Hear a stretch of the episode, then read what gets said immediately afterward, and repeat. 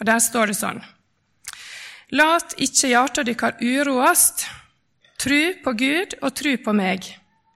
I huset til far min er det mange rom. Var det ikke slik, hadde jeg da sagt dykk at jeg går og vil gjøre klar en stad til dykk?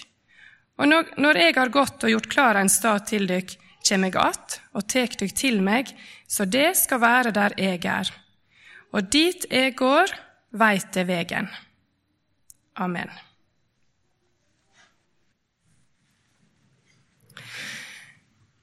Tekstene for denne søndagen handler om at Jesus skal komme igjen.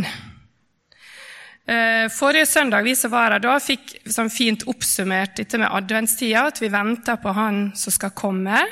Han som kom som et barn. Og så venter vi også på at Han skal komme igjen.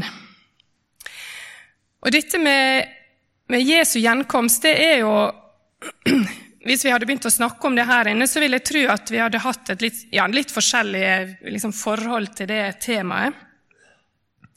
Noen er vant til å snakke veldig mye om det, har kanskje lest og studert mye, tenker mye på det. Andre av oss kan kanskje kjenne at det er sånn, det er litt for stort nesten å tenke for mye på. Eh, det er kanskje nesten litt skummelt, eller i alle fall ganske ukjent. Og For min del så hadde jeg noen opplevelser på bedehuset der jeg har vokst opp, eh, i ungdomstida mi. med det var velmeinende mennesker altså, som kom innom bedehuset og hadde til dels voldsomme forklaringer og utgreiinger. Og også tegninger, store tegninger som ikke fikk plass på bordet, nesten, med, der vi liksom fikk gjennomgått hvordan alt dette skulle foregå. Eh, alt dette med den siste tider og, og, hva som skulle skje før og kanskje etter også. Og For meg ble dette litt eh, voldsomt og litt innvikla, så det gjorde at jeg i ganske mange år hadde nok et litt sånn avstandsforhold til dette med Jesu gjenkomst. Ikke sånn at jeg ikke trodde på det, for det har jeg alltid gjort. Eh, og venta på det for så vidt også, men jeg tenkte at dette tenker ikke jeg for mye på. Så for meg å si noe om dette, så er det så flott, syns jeg, den innledninga som teksten møter oss med. Lat ikke hjarta dykkar uroast, eller på bokmål, la ikke hjertet bli grepet av angst. Det at vi venter på en som skal komme igjen, det skal få ramme inn livet vårt med alt annet enn angst og uro, fordi at det er noe godt, det å vente på, på Jesus. Det er, ikke, det er, ikke, noe som gir usikkerhet til framtida, men faktisk noe som kan være med å gi en trygghet til livet her. For Jesus han kommer igjen. Jesus skal komme igjen hit. Og det er en sannhet som vi kristne har holdt fast i og venta på i 2000 år nå. Og allerede læresveinene de en kan i hvert fall, Det kan se ut som de trodde faktisk at Jesus skulle komme igjen allerede i deres levetid. At de tenkte at han skal bare stikke en tur, og så kommer han snart igjen. De hadde en sånn voldsom og stor forventning om at de skulle få se han igjen. Og så er vi her 2000 år seinere, og så venter vi fremdeles. Og så tror vi og vet vi fremdeles at han kommer, for han er til å stole på. Han har ikke gitt oss noen grunn til å, å ikke tro at dette skal skje. Johannes 14, som vi eh, er i i dag, det er jo eh, i en kontekst at Jesus og læresveinene er i lag. Og De har delt det siste måltidet sammen. Det er det nok bare Jesus som forstår fullt ut at dette er det siste måltidet. Men han deler det med de som har stått han aller nærmest, gjennom disse siste tre åra. Og så vet Jesus at nå har jeg siste mulighet til å få gitt deg noen ord eh, før han skal lide og dø. Og da blir det jo veldig viktig å få sagt det viktige, på en måte. Da begynner ikke han å vase om alt mulig som ikke er viktig, men da er det å få sagt noe som er virkelig viktig. Det er litt sånn som når vi foreldre og ikke det alltid kanskje vi, vi, treffer på hva som er viktig, da, men når vi foreldre på en måte går etter ungene ut i gangen når de skal gå om morgenen, og så roper vi litt sånn 'Husk refleks! Pass dere for bilene! jeg er glad i deg. Det er liksom noen sånne korte, viktige beskjeder. Da er ikke det så viktig eh, med kanskje hva en skal ha til middag senere på dagen. Men det er disse aller viktigste tinga eh, som en prøver å få sagt. Og I disse kapitlene, Johannes 14, 15 og 16, samt Jesu ypperste prestlige bønn i Johannes 17, det er så ekstremt innholdsmetta. Der står det så mye av dette som Jesus virkelig ville at læresveinene skulle sitte igjen med før han skulle lide og dø. Og Det er kanskje gode kapittel å lese nå i adventstida, dette som Jesus hadde så på hjertet. Ikke uro dere, ikke uro dere. Dette ble veldig vanskelig for lærersveinene å holde fast i bare noen timer seinere. Da hadde de glemt det, det er jeg helt sikker på. Når Jesus blir tatt til fange og til slutt drept framfor øynene deres, da var redselen og frykta veldig forståelig nok til å ta og føle på. Men Jesus har altså sagt bare noen timer tidligere ikke vær redde. Og hvorfor trengte ikke de å være det? Jau, fordi det var ikke over. Det som så ut som et punktum, det var ikke over. Jesu død var helt nødvendig, helt nødvendig, men det var ikke over. For han sto opp igjen, og så dro han til himmelen, og så gav han deg og oss del i Den hellige ånd, slik at vi ikke skulle være her alene. Dere skal slippe å være alene, sier Jesus når han reiser. Men det er best å gjøre det sånn, og så får vi Den hellige ånd. Og så er det et slags sånn på gjensyn. Det er et kolon, det er ikke et punktum. Og Jeg ser for meg at når læresveinene sitter rundt dette bordet med Jesus, og han sier disse ordene, så forsto ikke de så veldig mye av det, men de hør, hørte nok etter, for de visste jo at når Jesus snakker, så er det viktig å høre. Og så forsto ikke de så veldig mye da, men så ble nok disse ordene veldig viktige seinere. De snakka sammen, det ble fortalt og gjenfortalt, og det ble skrevet ned. Og jeg ser for meg at det liksom, Hva var det Jesus sa? Ja, han sa dette. Frykt ikke. Og så sa han at han skulle av gårde, at han skulle lage en plass. Så skulle han komme igjen. Og han sa 'frykt ikke'. Og så holdt de fast i disse sannhetene. Og så ser vi hvor frimodige de ble eh, bare noen uker etter dette. Vi skal se litt på vers 3 i denne teksten. Og når jeg har gått og gjort klar en stad til dykk, kjem jeg att og tek dykk til meg, så det skal være der jeg er. Jeg syns det er noe sånn veldig varmt og nært med denne formuleringa. Jeg kommer igjen og tar dere til meg. Og så akkurat sånn, må liksom si en ekstra gang, sånn at dere skal være der som jeg er. Vi skal være i lag. Skjønner du det at Jesus vil være i lag med deg? Han ønsker et nært og varmt og et faktisk et evig fellesskap med akkurat deg. Det er derfor han kommer igjen, fordi han har lyst til å være i lag med deg i evigheten. Når Jesus og lærersveinene møtes denne kvelden, så står det at Jesus hadde lengta inderlig etter å være i lag med dem. Jeg vet ikke hvordan det er med deg, men har du opplevd å lengte etter noen? Telt dager til du skal treffe dem, lengte etter fellesskapet og praten, den gode klemmen kanskje. Sånn, sånn lengsel det er ikke en sånn teoretisk greie som du, du på en måte tenker opp i hodet ditt at ja, nå lengter jeg. Lengsel det er helt sånn fysisk. En kjenner det i hele kroppen. En sånn uro som ikke roer seg før du møter den som du lengter etter. Det er en sånn utålmodig kjærlighet som lengter etter å være sammen med den som en er glad i. Tror du at Jesus kan lengte sånn etter deg? At han lengter etter deg sånn? Jeg tror han gjør det. Jeg tror Jesus gjør det.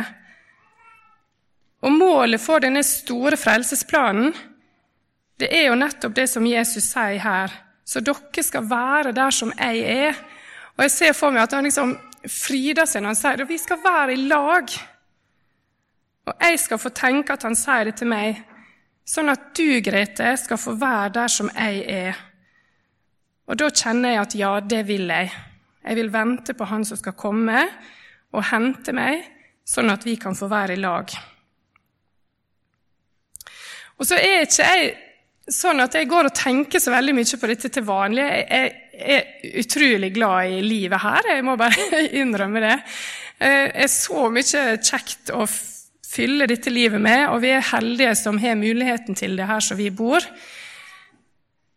Så, så, det er ikke noe som jeg går og tenker så mye på til vanlig, men av og til som har jeg møtt mennesker som lengter slik etter Jesus, som jeg har prøvd å beskrive her.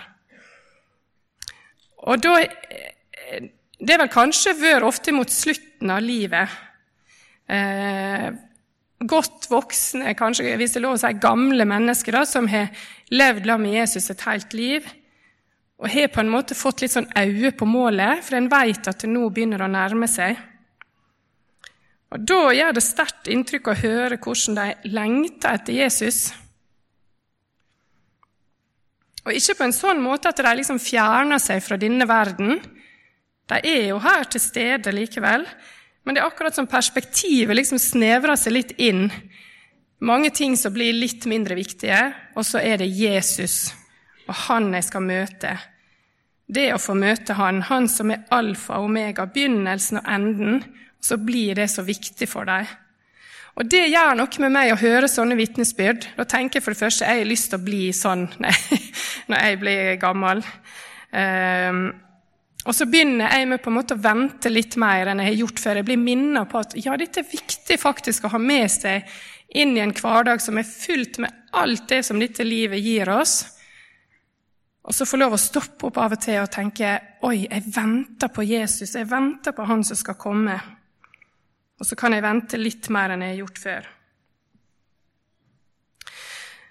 Jeg har lyst til å si noe om et annet aspekt ved Jesu gjenkomst som ikke akkurat er tatt opp i denne tekstrekka i år, i disse tekstene, men som er mm, på en måte langt framme i disse tekstene som handler om at Jesus skal komme igjen. Eh, og vi sier det jo, har jo akkurat sagt det med i truvekjenninga, det faktum at når Jesus kommer igjen, så skal det komme en dom Eh, levende og døde skal dømmes. Og Det gjør at det er helt avgjørende at vi har tatt imot Jesus som vår frelser den dagen han kommer igjen. Det er en viktig aspekt å ha med seg. Men så er det en annen side ved den dommen som, som jeg tror at disse åra jeg jobba mye med sjelesorgarbeid, har gitt meg et, i hvert fall et lite innblikk i. Og det er hvor viktig det faktisk er at ondskapen skal få sin dom en dag. Eh, når en sitter og lytter til menneskers historie som har opplevd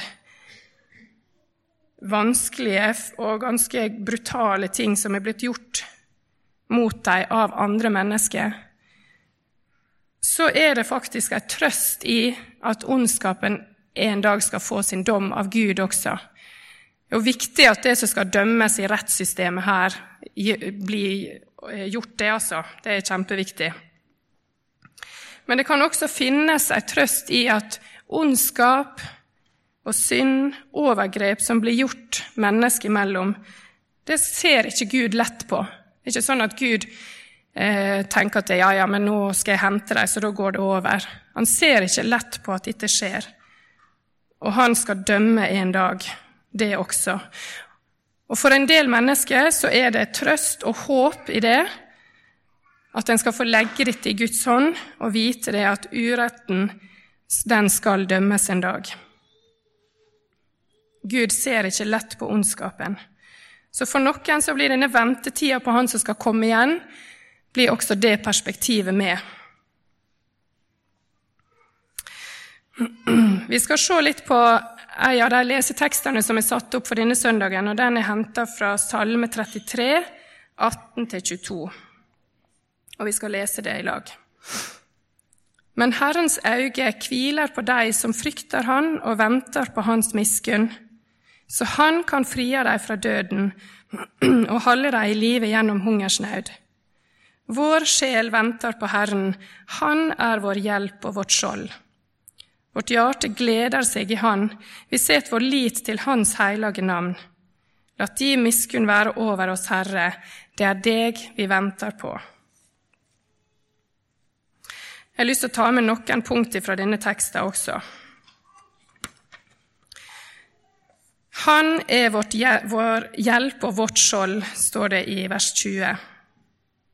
Å vente på Jesus og ha han med i livet er slik som det står eh, her. Og så skal jeg lese noen vers fra Hebreabrevet som jeg syns passer så bra.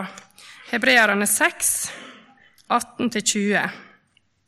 Med lovnad og eid to ting som ikke kan endres, og Gud kan ikke lyge, skulle vi ha ei sterk trøyst, vi som har gripet den vona, altså det håpet, som ligger framfor oss, og såleis søkt redning. Denne vona er et trygt og fast anker for sjela. Det når innafor forhenget, dit Jesus har gått i førevegen for oss, han som til evig tid har vært vårt øverste prest av samme slag som Melkisedek. Dette håpet er et trygt og fast anker for sjela. Vi har faktisk et ankerfeste inne i himmelen allerede, vi som tror på Jesus. Og gjør, Da ser jeg på en måte for meg at båten den er jo her i denne verden som vi sitter i og som vi lever i. Og Da kan vi på en måte bli kasta hit og dit, og det kan skje ting i livet som er voldsomme. Men vi driver ikke av fordi at ankeret vårt er festa i himmelen. Han er vår hjelp og vårt skjold. Så det er en, en, forbindelse mellom det livet som vi skal få når Jesus kommer igjen og henter oss, og det, det livet som vi har her. Det er akkurat som vi har begynt litt på det her, fordi vi får leve sammen med Jesus her. Får del i at han er vår hjelp. Og for noen så trenger man at Jesus er et skjold også, så en kan gjemme seg bak eh, når en trenger det. Og så er det et ankerfeste mellom hjertet mitt her som er helt inne i himmelen, bak forhenget, der som Jesus allerede er. Og Da driver ikke du av, selv om livet kan fare litt hardt med oss av og til. I vers 21 så står det, står det vi setter vår lit til Hans hellige navn. Vi skal få sette vår lit til Han mens vi venter på at Han skal komme igjen. Og Jeg har lyst til å si til de som blir litt sånn opp oppgitt over ting du ser rundt deg, altså ikke er sånn som du skulle ønske, et samfunn som på mange måter i hvert fall kan se ut som det går i oppløsning, så skal du få sette din lit til Guds hellige navn. Han er fortsatt like stor, han er fortsatt like mektig, og hans navn er fortsatt hellig, sjøl om det er mye som ikke er så greit. Og han er kvalitativt annerledes enn oss. Og det å da få liksom, sette sin lit til det, da, så be om det, at du får trøst i det. Eh, at han som er skaperen sjøl, han er her fortsatt i sammen med oss. Og du skal få sette din lit til det navnet mens du venter på han som skal komme igjen. Så hvis du blir bekymra, hvis du blir oppgitt over det du ser rundt deg, så hold fast i det hellige navnet som fortsatt består. Og så det siste verset. La din miskunn være over oss, Herre, det er deg vi venter på. Det er Han vi venter på. Vi veit hvem vi venter på. Vi veit hvem som skal komme.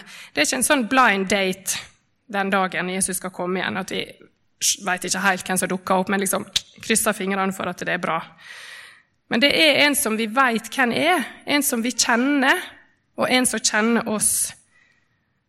Og Jesus han sier det jo sjøl også. 'Dit jeg går, veit dere veien.'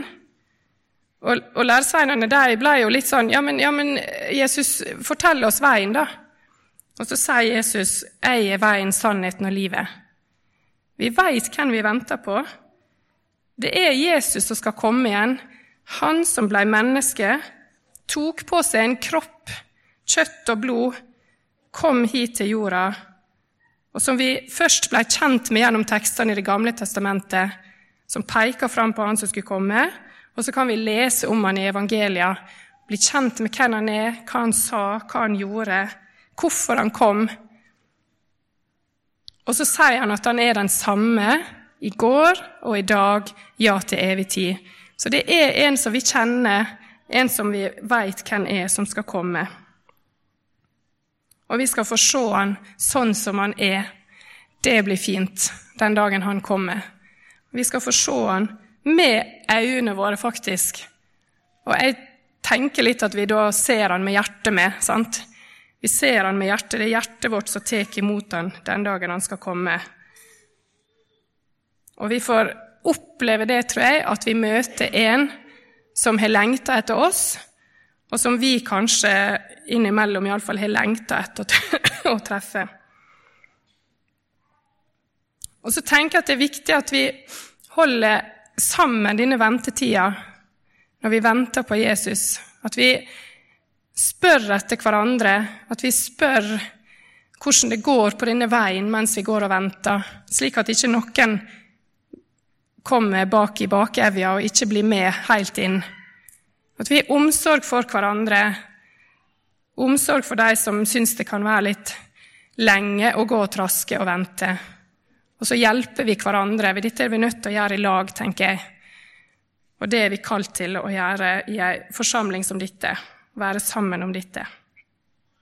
Så han som du venter på, og som lengter etter deg, det er en du kjenner. Jesus Kristus. Da skal vi bare lese de versene fra Johannes sammen til slutt, som ei avslutning. Lat ikke hjarta dykkar uroast. Tru på Gud og tru på meg. I huset til far min er det mange rom. Var det ikke slik, hadde jeg da sagt dykk at jeg går og vil gjøre klar en stad til dykk? Og når jeg har gått og gjort klar en stad til dykk, kjem jeg att og tek dykk til meg, så det skal være der jeg er. Og dit jeg går, veit jeg vegen. Amen.